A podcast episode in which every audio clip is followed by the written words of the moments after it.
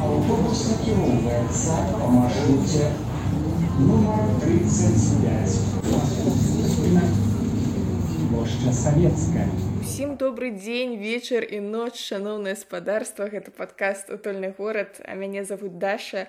И сегодня я думала, у нас будзе вельмі няшная тэма, калі я пачала да яе рыхтавацца, то тема вельми кранальная и я местами амаль плакала, пры тым што я спакойна чытаю навіны пра рэпрэсіі ну як спакойна ўжо а ну чарговага чалавека рэпрэсавалі калі ж вы ўжо ўсе гады супакоіцеся А калі чытаеш навіны ці нават не навіны ці нейкія просто старыя гісторыі пра жывёлінак то ты просто рыдаеш у голас таму што у іх няма магчымасці атрымаць гуманітарную польскую візу. Усе! лапий хвост! Ну вот мои документы. Сегодня до меня завітала спадарня Мария из «Откуль з Менської платформы. Конечно, с спадарня Мария, розповідіть, калі ласка, чем вы занимаетесь и чему про жувёлінок я запросила поговорить менавіта вас. Всем привет, меня зовут Маша, и я работаю в Менской урбанистичной платформе. Я архитекторка и любительница животных. Поэтому я оказалась сегодня здесь, и мы постараемся порассуждать, почему новости и какие-то новые законы и то, что мы читаем в СМИ про бездомных животных, про домашних животных, почему оно вызывает такую реакцию. Про частково яно ну, выкликае такую рэакцыю, тому што яны ж такія бездапаможненькія і міленькія. Да, но мне кажется, что в Беларуси а, я очень много про это думала. Мне казалось, что всегда тема животных и тема бездомных животных — это вообще какая-то серая зона, про которую никогда никто ну, из государства предпочитает не думать и просто ставить все как есть. Ну, вроде работает, вроде вот так вот оно происходит, окей, мы так и оставим. И вот меня всегда это так удивляло, и, например, даже тема с домашними животными, то есть там же так мало всего регламентировано. У меня всегда было ощущение, как будто бы все запрещено. Например, ты как житель города выходишь из подъезда, и у тебя все тротуары, которые ведут куда-то, на каждом из них написано «нельзя ходить». Ты такой класс. А что делать? Они говорят, ну, вызывай такси прям к подъезду, садись, и через два километра есть место, где ты можешь ходить. Вот у меня все время было такое ощущение с домашними животными. Наверное, стоит немножечко рассказать, ну, про себя еще более подробно, чтобы было понятно, на какой бэкграунд я ссылаюсь. У меня всегда в семье были животные, всегда были собаки.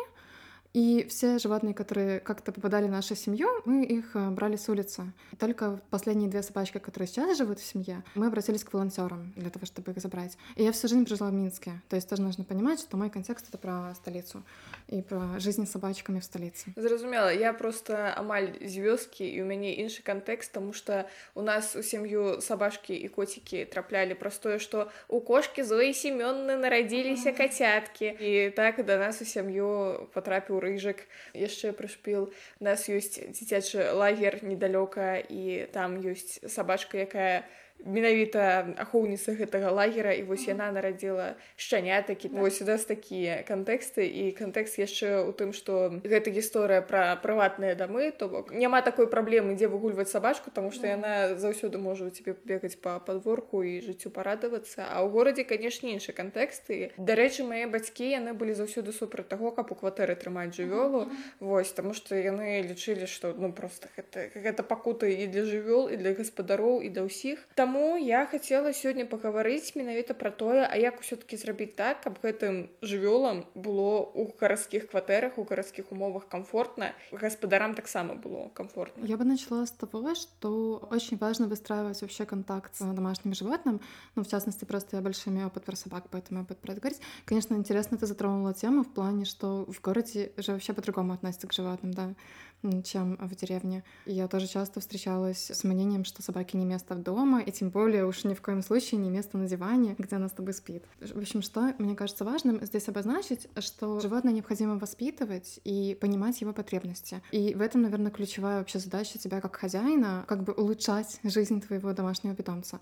Есть такое понятие, как пять свобод животного. Это не только касается собак или кошек, это касается вообще всех животных, минимальными там виде типичными поправками. В общем, есть какие-то базовые потребности, которые должен закрывать, это там вода, жажда, голод, безопасность, комфорт. И есть, например, такая свобода, как свобода видотипичного поведения.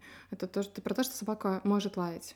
И ты, как хозяин, просто должен понимать, какую потребность она сейчас высказывает, какие чувства она высказывает, и как бы помогать ей существовать ну, в этом контексте, в котором она находится.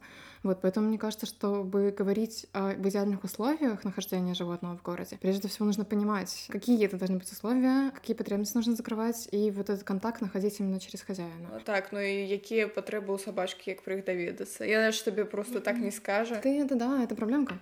Про вот эти свободы получается, что важно, ну, например, есть вот э, свобода проявления поведения ее вида типичного. Это про то, что ей нужно много гулять, ей нужно иметь какую-то умственную деятельность. Если говорить про город, мы можем перейти к вопросу о площадках, местах выгула. Здесь начинается уже ответственность не только тебе как хозяин, но ответственность города о том, чтобы организовать эти места. В Беларуси у нас есть два понятия. Есть это площадка для выгула и место для выгула. И под площадкой для выгула у нас подразумевается всегда площадка с оборудованием для тренировок. Вот. А место для выкула, я прям почитала, какие есть места, и там прям текстом написано, знаешь, «А зеленая зона возле гаражей, зеленая зона возле насыпи, а враг по улице такой-то.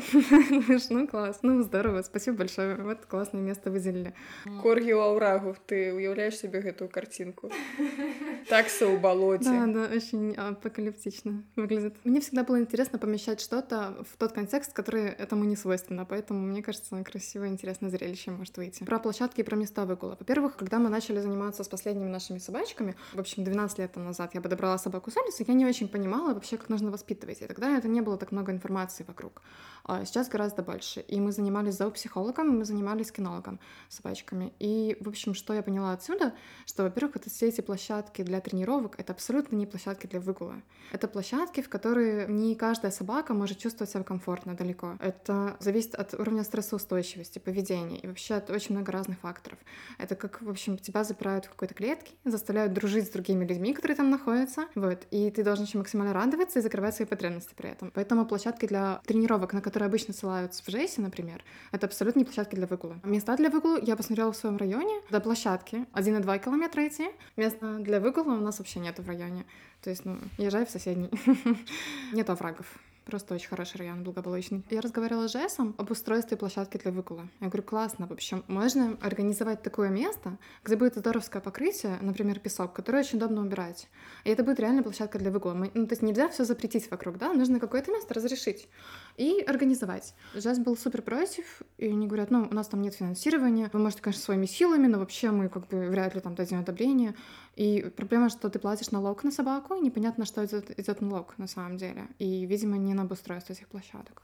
Да, податку на собачку мы еще с вами вернемся, а пакуль я хотела пагаварыць об тым якая сітуацыя ў грудні насамрэч пакуль я шукала месцы і пляцоўкі для выгула ў гродні я толькі што глуздам не з'ехала тому что у прынцыпе гэтыя месцы мусіць быць абазначаныя на сайце выканкамаў на сайце адміністрацыі але па сутнасці я знайшла толькі нейкае старое паведамленне на гродзенскім форуме якое спасылаецца на артыкул на блог 13 а на блозе 13 гэты артыкул ужо выдалены і карацей у гэтым паведамленні пералічаныя наступныя месцы. Зноў жа не магу адказваць за тое наколькі гэта дакладныя дадзеныя але вось адзінае што знайшла.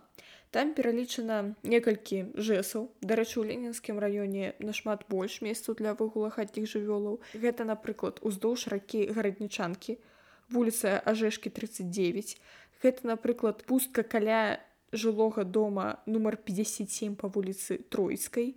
І гэта, напрыклад, у кастрычніцкім раёне вуліцы пестрака у дужачках побач з аўтобусным паркам нумар адзін. Наконт пляцовак якія афіцыйна называюцца пляцоўкі для выгула а насамрэч як сказала маша гэта трэніровачныя пляцоўкі на якіх утульна і нармальна сябе адчуваюць толькі усялякія паважныя сабакі вялікіх парод якія там трэніруюцца уласна кажучы. То ў гродні іх чатыры. Дзве на альшанцы каля вадазбора на болдзіна і на вуліцы кабяка за станцыяй пералявання крыві Вось там якраз усялякія турнічкі Горочки, па якіх сабачкі могуць бегаць карацей даволі прышпільна толькі як піша ў сваім артыкуле вячэрніх родная пляцоўкі ёсць а сабак там асабліва няма слухай вось якраз пра падаткі я гэта са здзіўленнем знайшла што трэба плаціць нейкія падаткі на хатнюю жывёлу ну давай уявім сабе быццам бы я законапаслухмяная грамадзянка я хочу я хочу заплаціць падатак за свайго арчыка куды мне падацца у падаткавую драсці у меня собака. Как это работало раньше ты должен делать медицинский паспорт ветеринарный собаки делать должен делать ей прививки.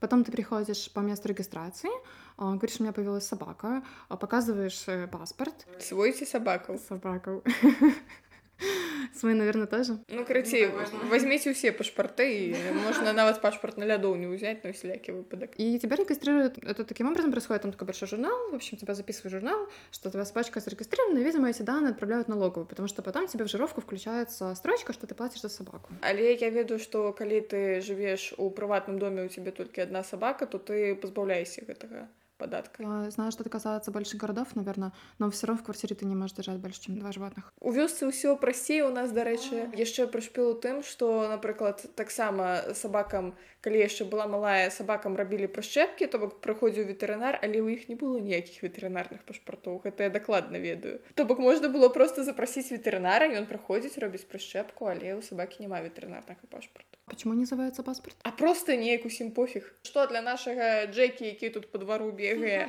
что ему пашпорт потребны, что он поедзе куды. Очень отличаются отношения, конечно. Но тут э, дело в том, что фактически, ну, сейчас никак не проверить, зарегистрировал ты собаку или нет. То есть это, это все полностью на твоей вот осознанном отношении на твоем. Людмила, а котика треба регистровать? Котика надо регистрировать, но налог на него не платишь. А пацушка? Нет, все, больше никого. Только а котиков и собачек. Все остальные вообще незаконно живут. Подарство заводите черопашку. Карацей трэба зрабіць так, каб сабачцы тваёй было комфортна. Але зноў жа, калі ты кажаш пра гэтыя пляцоўкі для трэніровак, я сабе ўяўляю якіх-небудзь службовых лабрадораў і аўчарак з мытні. Яны там трэніруюцца са спецыяльна адукаванымі чувакамі кінолагамі. Я не ўяўляю, што проста чалавек, у якога ёркшырскі тэр'ер, ці ўвогуле нейкая беспародная дварняшка дарэчы мне падаецца гэта дыскрымінацыйны момант падзяляць што вось у нас ёсць пародыстыя і беспародныя але пра гэта э, потым паговорым дык вось што чалавек будзе свайго ёршырскага тэр'ера там ганяць па гэтых турніках трэніраваць неяк да гэта ж пэўна патрэбна нейкай спецыяльнай адукацыі не Так и есть. И в целом эти площадки не рассчитаны на всех собак. То есть они какие-то стандартизированные. Ты не можешь э, построить по размеру для йоркширского терьера. Карацей калі у вас рэальна лабрадор ці аўчарка Да, вы можете тренироваться. А вось яшчэ крышку больш пра трэніроўкі я б хацела пагаварыць то бок гэта абавязковы элемент калі я заводжу сабачку мне трэба запрасіць кінолага за псіхолага ці я магу неяк сама абысціся і ўсё будзе нармальна нікога моя сабачка не з'есць Законом регламентировано, что ты должна обязательно пройти эту процедуру обучения с кинологом, если у тебя собачка входит перечень опасных пород, условно опасных. Ну, в любых других случаях ты как бы не должна это делать, э, it's up to you. Але гэта ведаеш такі прышпіл што у нас ёсць зноў жа гэты спіс умоўна небяспечных парод але калі ў цябе дварняшка якая нарадзілася ад э, кахання аўчаркі і бульдога вось я не ўпэўнена што гэта зусім небяспечная парода але ж яна ў спіс не ўваходзіць Нет, не входит. зразумела але калі у вас э, ёсць здаравенны беспародны пёс то лепей запрасіць кінолага я так разумею Ну, тебе самой будет проще с ним управляться. Вось яшчэ наконт усей гэтай за псіхалогіі кіналогіі у маёй галаве як у абывальніцы усё абмяжоўваецца тым што ты можаш навучыць сабаку даваць лапу і прыносіць мячык А што там яшчэ можна рабіць сабакай і навошта мне просто падавалася што гэта неяк прышпільна ты кажаш ляжаць яна лажыцца мой клас дрэсірованая сабачка як у цырку Есть, да, разные понятия. Дрессировка и социализация. Дрессировка действительно как бы делается фокус на команды, на то, чтобы она тебя слушалась и выполняла, м, в общем, все эти повороты, там проходила под ногами, делала восьмерки, все вот это. Вот, но есть понятие социализация, то есть фактически все, что другое направлено на ее жизнь в городе, это про вот эту адаптацию. То есть ты показываешь собаке, смотри, есть разные виды транспорта, есть мотоцикл, он не страшный. Если ты будешь соблюдать определенные правила и будешь меня держаться, все будет хорошо. Есть велосипед, и он тоже не страшный. И вот ты как бы знакомишь как ребенка собаку фактически со всеми элементами города. Есть вороны, вороны классные и не страшные. Есть кошки, с ними как бы можно тоже нормальный контакт выстроить. Вот, это вот про социализацию. То есть фактически зоопсихологи и кинологи работают с собакой, когда она живет в городе, больше вот с этим аспектом, чтобы она себя комфортно чувствовала. для мяне мяне зараз інсайт што сабака можа пачаць брахаць на той матацыкл таму што яна просто спужалася а не таму што гэта невыхаваная жывёла там яшчэ нешта Да, это правда. То есть, на самом деле, собака же тоже пытается себя защитить. Для меня, например, когда мы начали заниматься кинологом, был большой инсайт по части того, что когда собака лает на людей на улице, она просто считает себя, как хозяина, неспособным решить конфликт. И она берет свои маленькие лапки всю ответственность за решение этой проблемы. То есть она такая, хозяин, я все решу, все решу. То есть нужно ей показать, что смотри, я совсем справлюсь, вот ты можешь расслабиться и просто гулять там по своим собачьим делам Ну интересно, что у сабакі ў галаве адразу что мы сустрэлі нейкага іншага человека, полно у вас узніклі канфлікт абавязкова хаця часу да часу ну вы сведешь прыходзіць до себе податковая. І сабака адразу пачынае за цябе заступацца гэта было б файна слухай а увогуле можна звяртацца да за псіхолага толькі калі ў цябе маленькі сабачка то бок вось там два месяца шчанку там мы яго ўзялі і вось запрасілі кінолога ці калі ў мяне двухгадовы разбэшчаны маёй бабуляй пёс усё адно можна звярнуцца да за псіхолага і ён неяк пачыніць паводзіны Однозначно можно в любом возрасте обращаться. Конечно, когда собачка меньше, то будет ну, проще себя, больше времени ей все показать, научить. Вот, но когда она взрослая, тоже можно обращаться, конечно. Корректировать поведение, мне кажется, можно в любом возрасте. Зразумела, Тогда еще немножко з прыватнага досведу. Да. У моей бабули яна трымае куры и трымае арчи пры гэтым дык вось немагчыма нармальна выпускаць гэтых курэй па пасвіцы на траўку і адначасова выпускаць па пасвіцы арчы таму што ў іх пачынаецца бойка гэта як бы не гарадское асяроддзе а ўсё адно зоопсіхолог можа навучыць майго разбэшчанага сабаку не біцца з пеўнем кожны раз калі ён яго бачыць Да, конечно, конечно. Просто показать, ну, что можно по-другому взаимодействовать. Можна, напрыклад, хаць носам, ідзі ў свой куратнік, ідзі. Слухай, а яшчэ наконт таго, што вось ты сказала, для сабакі нармальна брахаць, для сабакі нармальна бегаць і так далей. Я ведаю, але я ведаю, як у шмат кватэрным доме ад часу да часу проста едуць глуздам жыхары калі чарговая сабачка пачынаю чарговы раз брахаць выць і так увесь дзень усю ноч ён такія божа мы разумеем што для сабакі гэта нармальна але для нас гэта ненармальна што рабіць у такой ситуации гаспадару першую чаргу Ну это ж прям зона ответственности хозяина собаки. То есть когда она воет она высказывает какие-то свои чувства и рассказывает через чувства про незакрытые потребность а через потребность рассказывает про свои просьбы она говорит пожалуйста не оставляйте меня в одиночестве я не умею справляться с одиночеством одиночеством.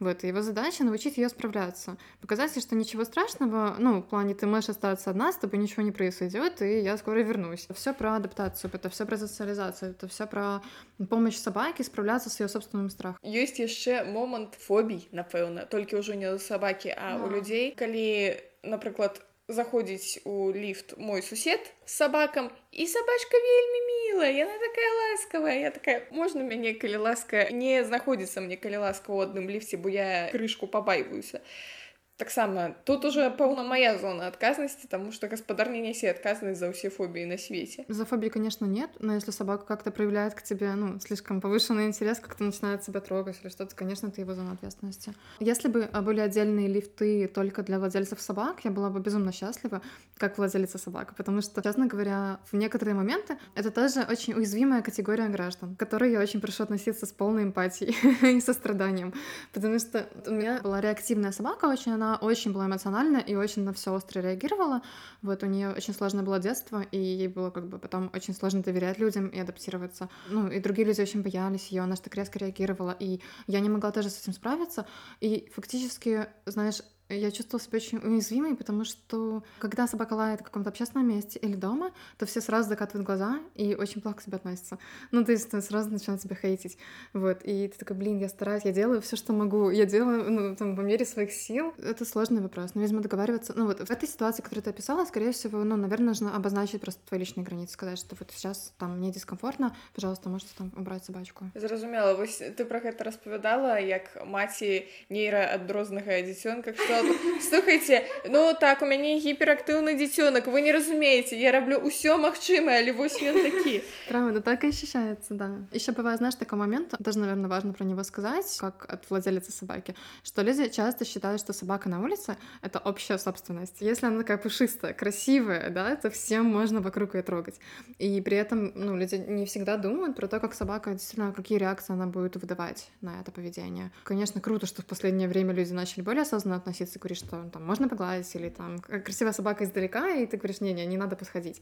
Еще проблема, что каждый выход на улицу — это фактически тренировка. Вот, и вообще не нужно, чтобы никакой посторонний человек как-то внедрялся в эту тренировку твою. Зразумела, а калі сабачка ў кавярні яна яшчэ пачынае аб мяне цярэцца носам можна я ее потискую и ўсёду лепей у гаспадара спытаць Мне кажется лучше спросить на всякий случай Ввогуле как ты ставишься до того, что собачек там проводят у кавярні у нейкія астатнія грамадскія прасторы як бы мне норм як uh -huh. наведвальніцы грамадскіх прастораў але я не ведаю ці норм для сабачкі знаходзіцца не на адкрытым паветры і не ў сябе ў хаце а менавіта недзе у замкнутой прасторы дзе яшчэ шмат незнаёмых людзей. То очень хороший образ. Я часто видела знаешь на разных фестивалях людей которые приводят своих собак і по собакам прям видно что «М-м» домой.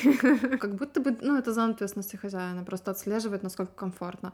Я знаю собак, которым очень комфортно общаться, и им прям кайфово. Вот они приходят в кофейню, все к ним проявляют внимание, класс. Собака-экстраверт. А есть еще собаки-інтроверти, как мы довідалися. Да, однозначно. А вот до речі, сколько колками так не роблять. Наприклад, ніхто ж свого кота не веде ніяк на импрезы у коворкинги Ну, не их не берут коту, реально.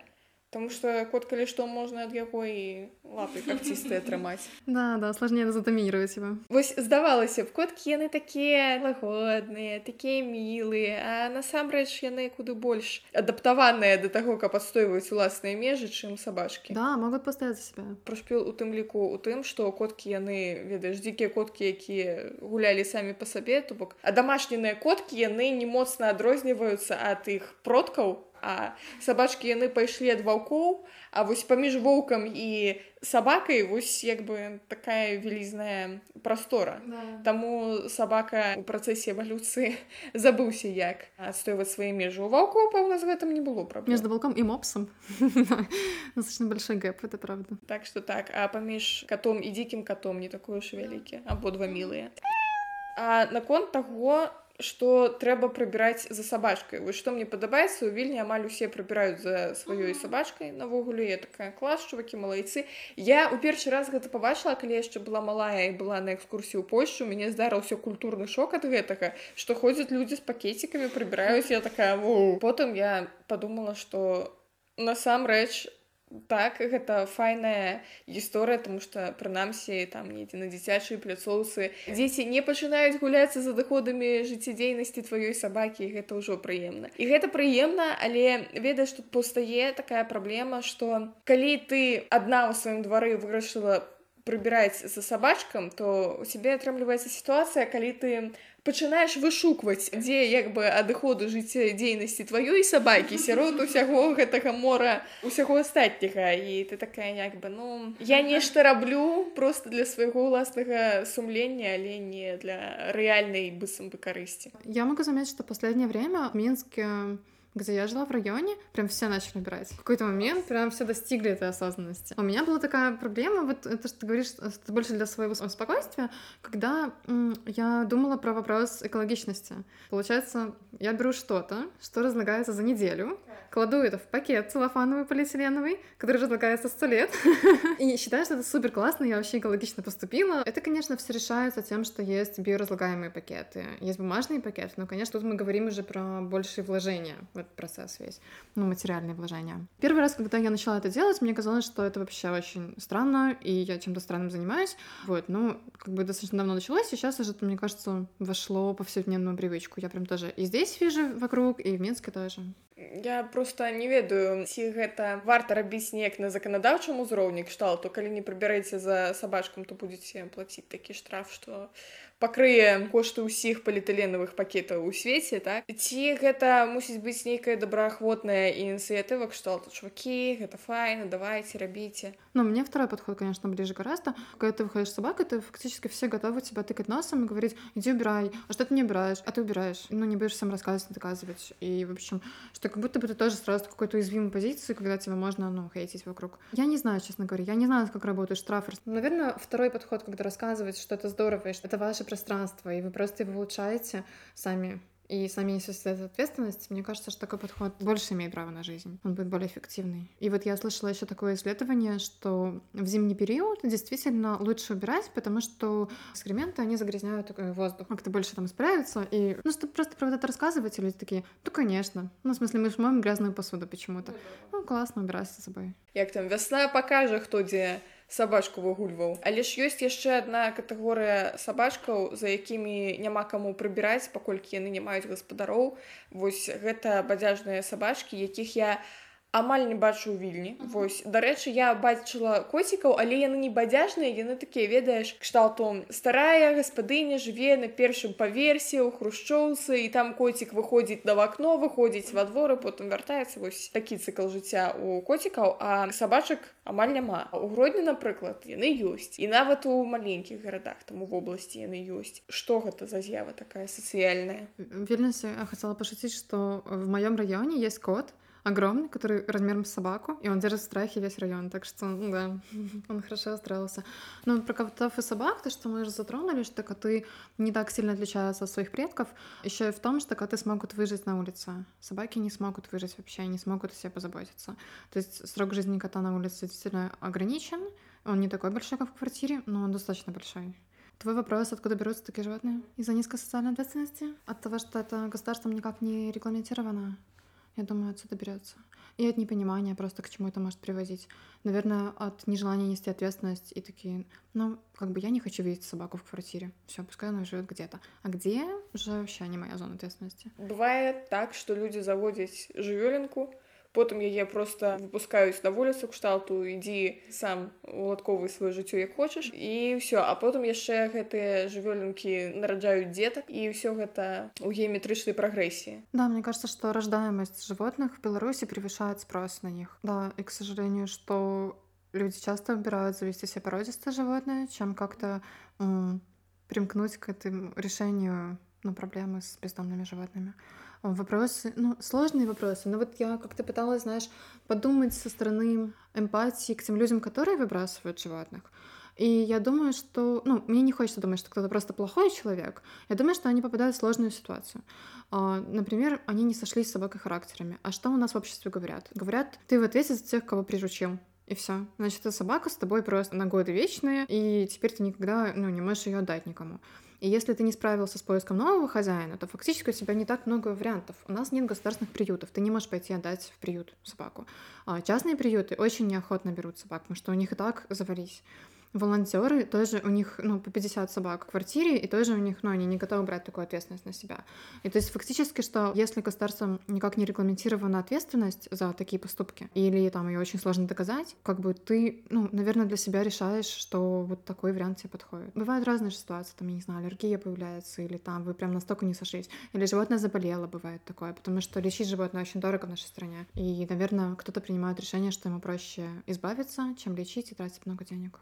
Гэта як мне падаецца гісторыя пра тое што ад часу да часу табе ну рэальна няма куды падзецца у цябе ёсць гэтая сабака ці кот які на тебе просто павіс мёртвым грузам а у беларусі яшчэ такая гісторыя што можа у цябе у нейкі момант не стала грошай каб карміць Вось. І пры тым што наконт усіх гэтых прытулкаў прыватных і непрыватных ёсць панятак часовы пункт куды трапляюць жывёленкі знойдзеныя на вуліцы і там гісторыя ў тым што калі іх за некалькі дзён ніхто не забярэ то жывёл чакае ўсыпленне і гэта трандзец то бок у цябе ёсць фактычна варыянты ці забіць жывёлу ну рэальна. Уступленне гэта хто не ведаў гэта забойства вось. Быццам быў больш гуманным чынам. І у цябе ёсць варыянт ці забіць жывёліну ці просто ну ідзі. І мне падаецца што людзі якія ўсё ж таки абіраюць ну ідзі может быть у іх болей эмпатыі. Ну, а Но они надеются на какой-то случай чтобы попадется другой человек который возьмет на себя ответственность.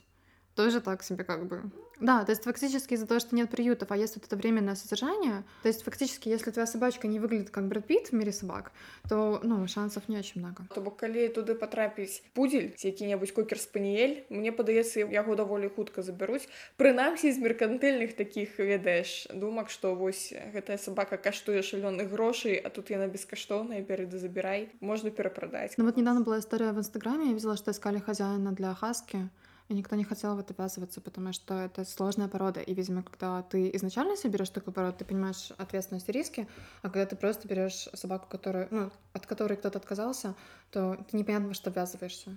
То есть даже породистых не, не с таким большим удовольствием забирают. Ну, есть такое, хотя, видишь, бывает же, что господары, ну, померли просто. С собакой все нормально, собака классная, але, ну, не стала господару. Слухай, а в ўвогуле як сабачкі і котачкі адаптуюцца, калі ім даводзіцца памяняць гаспадара? Это для іх великий стресс, может быть, им реально простей по улице бегать нічыйнымі. Мне кажется, в целом большой стресс, когда ты сильно меняешь свою жизнь. Эмиграция — большой стресс, а когда ты эмигрируешь на улицу, мне кажется, это в разы стрессовее, что ты должен теперь сам за себя как-то отвечать. Нет, по улицам, мне кажется, вообще очень стрессово. Когда меняют хозяина, собаки умеют привязываться. Конечно, для них эмоционально это будет сильное потрясение.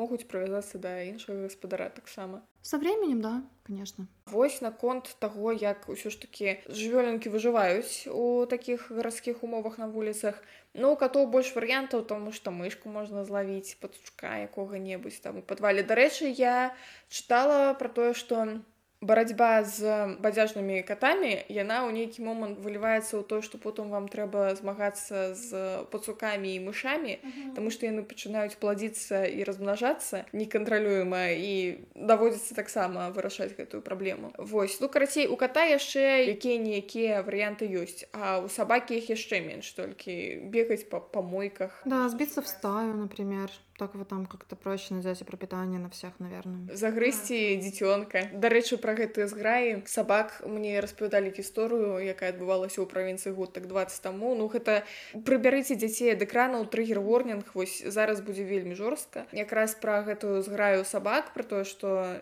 там былі сабакі з чырвонымі вачыма відавочна на нешта хворыя вось яны бегалі так край і нападалі на дзяцей жанчын і і на ўсіх уласна кажучы і дзяржаўныя ўсе органы. Такія што мы можам зрабіць і мы нічога не можам зрабіць то просто чувакі паляўнічыя сабраліся і ноччу стрэльвалі гэтых сабак гэтая гісторыя яна з якога боку не паглядзі ўсё адно трындзец але з іншага боку што заставалася рабіць калі у вас дзяржаўныя прадстаўнікі такія кшталту а мы не ведаем вось реально калі адбываецца такая сітуацыя. Гэтая зграя бадзяжных сабак. Мне падаецца што можа быть гэта і адзінае выйсце усыпляць іх таму что там ты халера ведае что там адбывается мне кажется это очень сложный вопрос потому что да я тоже такое слышала что когда например домашние собаки которые раньше были домашние а потом они сбиваются в стаи то это как бы самый опасный вид собак что именно они нападают что собаки которые изначально были дикими они не очень подходят к людям и в целом как бы не проявляют агрессии. Вот так что не хочется здесь в общем давать какое-то решение потому что это очень сложный вопрос. То бок калі не паренек народился на улице, и он такие просто обряковы до людей. Но он, скорее всего, больше опасается, чем допускает мысли, что может как-то напасть. Может быть, ведаешь гэта яшчэ нейкая подсвядомая помста, вы меня выкинули да. на улицу, а я вам зараз. Ну, они же, правда, много чего чувствуют, и, может быть, какая-то озлобленность тоже появляется. Мы поговорили про тое, чым собачки небяспечныя для людей на вуліцы, а якая небяспека чакаем менавіта гэтых бадзяжных жывёлаў, которые сабак, ну, мне падаецца, першае, што мне прыходзіць у галаву, гэта нейкія хваробы. Вось таму што дакладна там тое ж бешанства но распаўсюджваецца на ізі у такіх колах і ніхто не будзе займацца прыпыненнем гэтага працэсу. Гэта першае. Другое што калі з гэтай сабакай што-небудзь здарыцца там збіла машына хтосьці на яе напаў яшчэ нешта таксама яна нікому не патрэбная ніхто не будзе займацца яе лікаваннем і так далей так далей можа быть я яшчэ нешта не прилічыла что ты можешь узгадаць про бешенство в общем я читала такое что эффективнее прививать от бешенства диких животных от которых идет бешенство. Тактика действует такая стратегия в европе действует как будто бы это более эффективно чем прививать домашних животных. Ну конечно никто ну я не выступаю против вакцинации домашних животных конечно. Какие опасности что-то еще да какие угодно. В смысле ты вряд ли сможешь себе позаботиться. Ну если ты собачка на улице ты не сможешь найти себе ни пропитание ни кров ничего. И да я этой болезни и насилия, ну, в рамках там каких-то собачьих взаимоотношений, насилие со стороны людей и плохой сценарий, не рекомендую. На конт бешенства, я ведаю, што ў Еўропе гэта нейкім чынам працуе, але я пакуль што не могу себе уявить, как по нашых беларускіх лясах будут ходить э, леснікі и прышчапляць лисов. Да, камітет поиска белок. О, вавёрка. Ведешь, натягивается лук и туды ляціць страла со шпрыцом, так. Я, кстати, не знаю, как обстоят дела с дикими животными, насколько вообще, ну, там они што ў них по чипированию, ты знаешь? Калі гэта лес у гродзенскім раёне то там прыблізна ніяк. Окей можна адсачыць зубра але адсачыць вожыка гэта дастаткова складана. Ну тогда в общем наша зона ответственности это делать вакцины животным, которых мы видим в городе. Если мы допускаем, что животные могут в нашей стране жить на улице, тогда ну, обязательно их нужно и стерилизовать, и вакцинировать. Слухай, вось наконт таго, што жывёлы працягваюць жыць на вуліцу, то бок мы не вырашаем гэтую праблему, мы не ведаю, не выдаткоўваем з бюджэта грошы на прытулкі, мы такія ну жывуць сабе і жывуць. Як табе падаецца больш эфектыўна дазволіць гэтым сабачкам і коцікам працягваць жыць на вуліцы і просто памерці ў нейкі момант ці ўсё ж таки пабудаваць прытулкі. Гэта ведаеш, і гэта я так сфармулявала пытанне кшталту стаяць два крэслы. Вось якое бярэ говоришь, ну. Мне кажется, это комплексные меры. Лучше всего работают. Ну вот я просто думаю про Грузию, где собаки э, чипированы и отслеживаются их судьба, и они вакцинированы и живут на улице.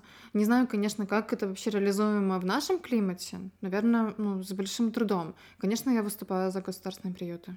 Или хотя бы за государственную помощь для приютов, которые сейчас существуют. Я ведаю, что у Болгарии такая же самая тема, как у Сакратвела Грузии, потому что там так само бегают гэтыя собачки с такими клямочками на в ушах. Вось, это показчик того, что собачку адлавілі, стерылізавалі, прышчапілі адпусцілі.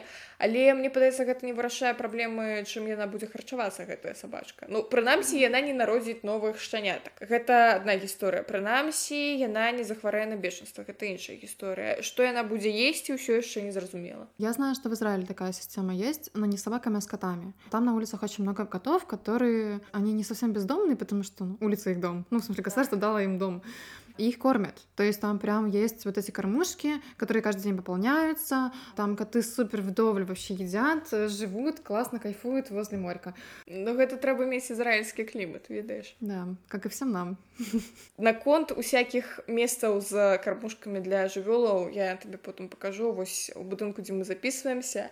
Там на вуліцы збоку есть такая буда, там зроблена для котика место, там лежит некая подушечка для его, и там насыпаюць корм и воду. Году. І гэта просто ведаеш мясцовая ініцыятыва ён ад часу да часу заходзіць там пакушаць Вось. Гэта пры тым што яшчэ раз паўтаруся ў вільні з бадзяжнымі катамі іх днём с агнём наконт таго што адлоўліваем жывёлаў вакцынуем адпускаем. Я нават чытала про тое што гэта больш танна чым усупляць гэта бок ну нават з такой капіталістычна меркантыльнага пункту гледжання. Па-першае праблема атруты менавіта праз якое адбываецца усыпленне па-першае па-другое у цябе паўстае пытанне дзе захароньваць.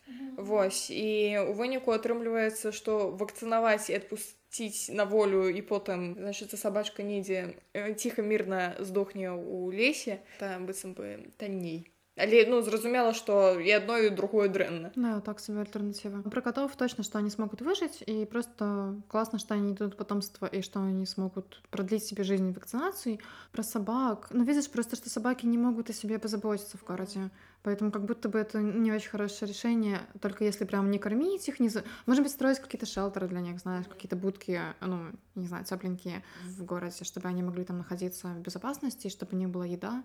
Но это тоже, это, это как приют фактически, да, то есть ну, это так. такие же трудозатраты. Ну, отрабливается, что все одно без притулков для собак мы эту проблему не вывезем. Да, мне тоже так кажется. С котами просто, например, у меня есть опыт, вот как э, в Минске у меня было в районе, у нас появились коты, и долгое время как-то, ну, они сами о себе заботились, только там, ну, были, в общем, на районе бабушки, которые подкармливали их, и за счет бабушек они существовали, а потом в какой-то момент у нас собралось такое комьюнити прям во дворе, и, в общем, мы там поскидывались на стерилизацию, на вакцинацию, взяли там на себя люди ответственность, чтобы потом выходить из этих котов.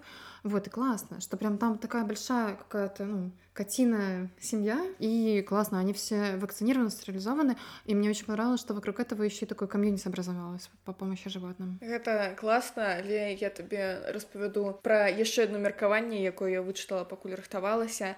Ад ліквідаванай дарэчы арганізацыя ахова птушак бацькаўшчыны якія супраць катоў у горадзе тому что каты палююць на птушак. Вось. І нават калі у вас один кот у день з'ядае одну птушку то у вас папуляцыя птушак бярэ і змяншаецца атрымліваецца зноў жа коцік можа самого себе пракарміць але калі ён будзе кушаць мышек гэта одна гісторыя а ён же будзе кушаць і птушак кажется просто что если мы как-то решим вопрос с обеспечением едой котов то они не будут находиться не ради еды а ради инстинкта охоты. Вот и тогда меньшее количество птиц будет страдать. В каких-то странах на котов вот, на бездомных что-то называют такое что они звук издают. Вот тогда у птицы просто больше есть возможности улететь и спастись. можна начапіць ашейнік з усякімі брынчалкамі але мыш і пацук таксама яго пачуюць і Но инстинкт охоты будет выполнен, еда у него есть, потому что мы принесли еду.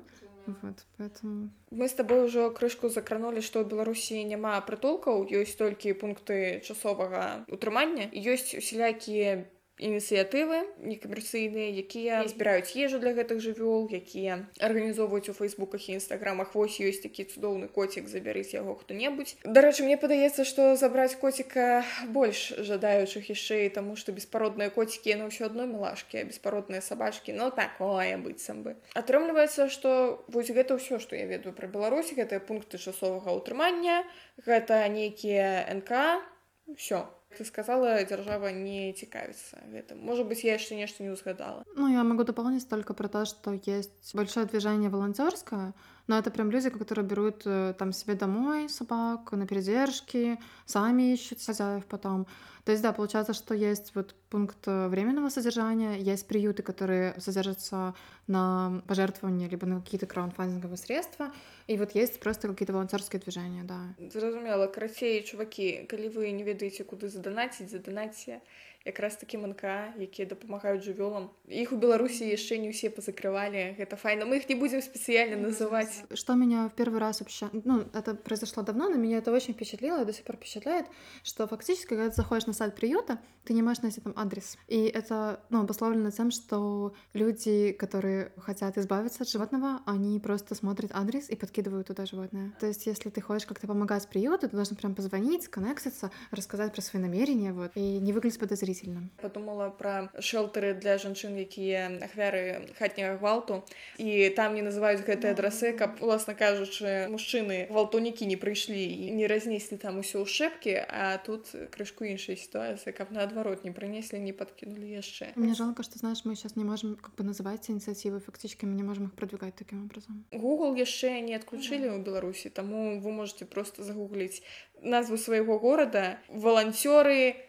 Жывёлы знойдзеце артыкулы ёсць на сайце гродна лайф напрыклад. Пра гэтыя прытулкі якія не называюць свае адрасы ведаеш ёсць жа такая тэма як з гэтымі бэйбі-боксамі калі можа падкласці дзіцёнка.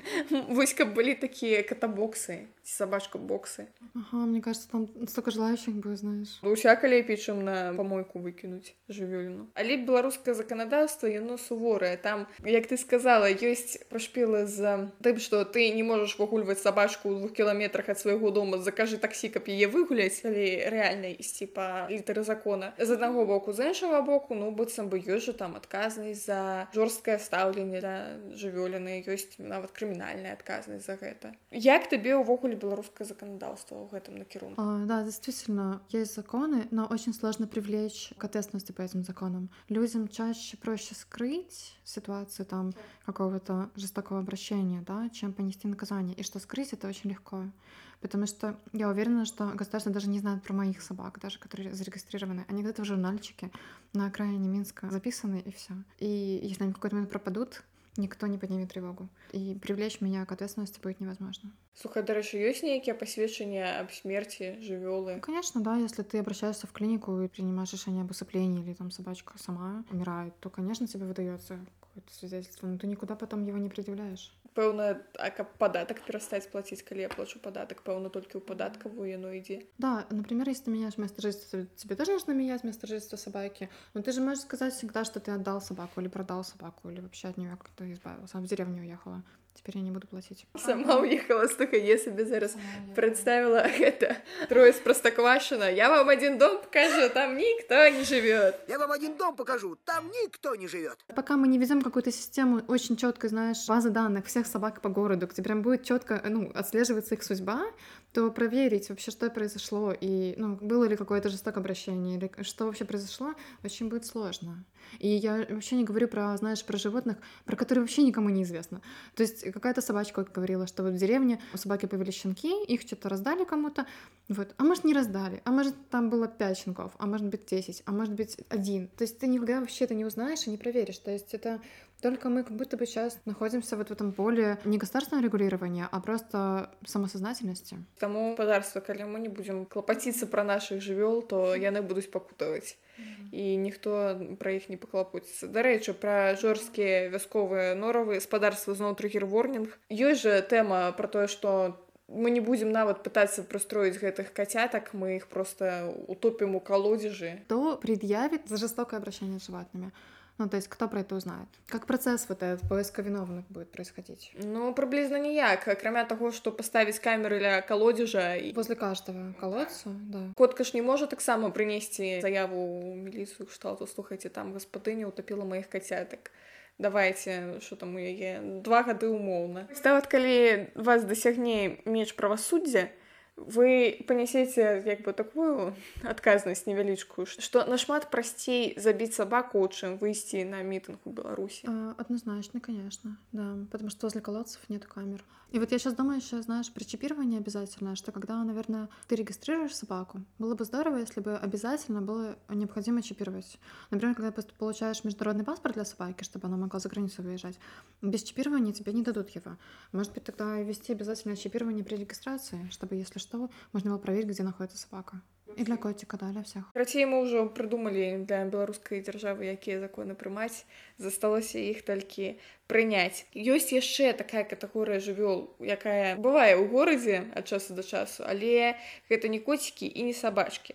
Напрыклад неяк у гродні на святкаванні масленіцы прывялі жывую мядзведзіцу драсіраваную ўсё як трэба. І я разумею што гэта ведаш старажытная славянская традыцыя калі там на кірмашы у нас мядзведзі скамарокі ўсё астатняе але ну як бы 21 стагоддзе мне так шкада стала гэту мядзведзіцу па-першае по-другое гэта блин дзікі звер які моцны і які можа на каго-небудзь напасці і там такая пашча ведаеш а горла ні ў каго не жалезнае адкусіць галаву будзеш ведаць. Як ты думаеш ці гэта ўвогуле окей вось так карыстаць дзікіх жывёл на пацеху публікі што называется Конечно, нет. Ну, я прям супер против. Это как блогеры фоткаются с дикими львятами, знаешь, все вот это, это просто ужас. По поводу диких животных, я считаю, что они должны быть в дикой природе и находиться там, и не нужно их пытаться адаптировать под наши требования и пожелания. Единственное, что, знаешь, существуют разные центры защиты животных, которые помогают диким животным, которые там попали в какую-то сложную ситуацию, не знаю, сильно заболели или там не могут вернуться в обычное состояние, в общем, в свою обычную жизнь. Такие центры помогают им адаптироваться, и, действительно, они живут там в ограниченном пространстве. Вот, но когда приводит медведя на масленицу, ну, конечно, это матч. Я не понимаю, ну, что перевесила, чтобы так поступить. Вот. Ну, что перевесила? Необходимость зрабіць классные фотки перевесила, як львятами.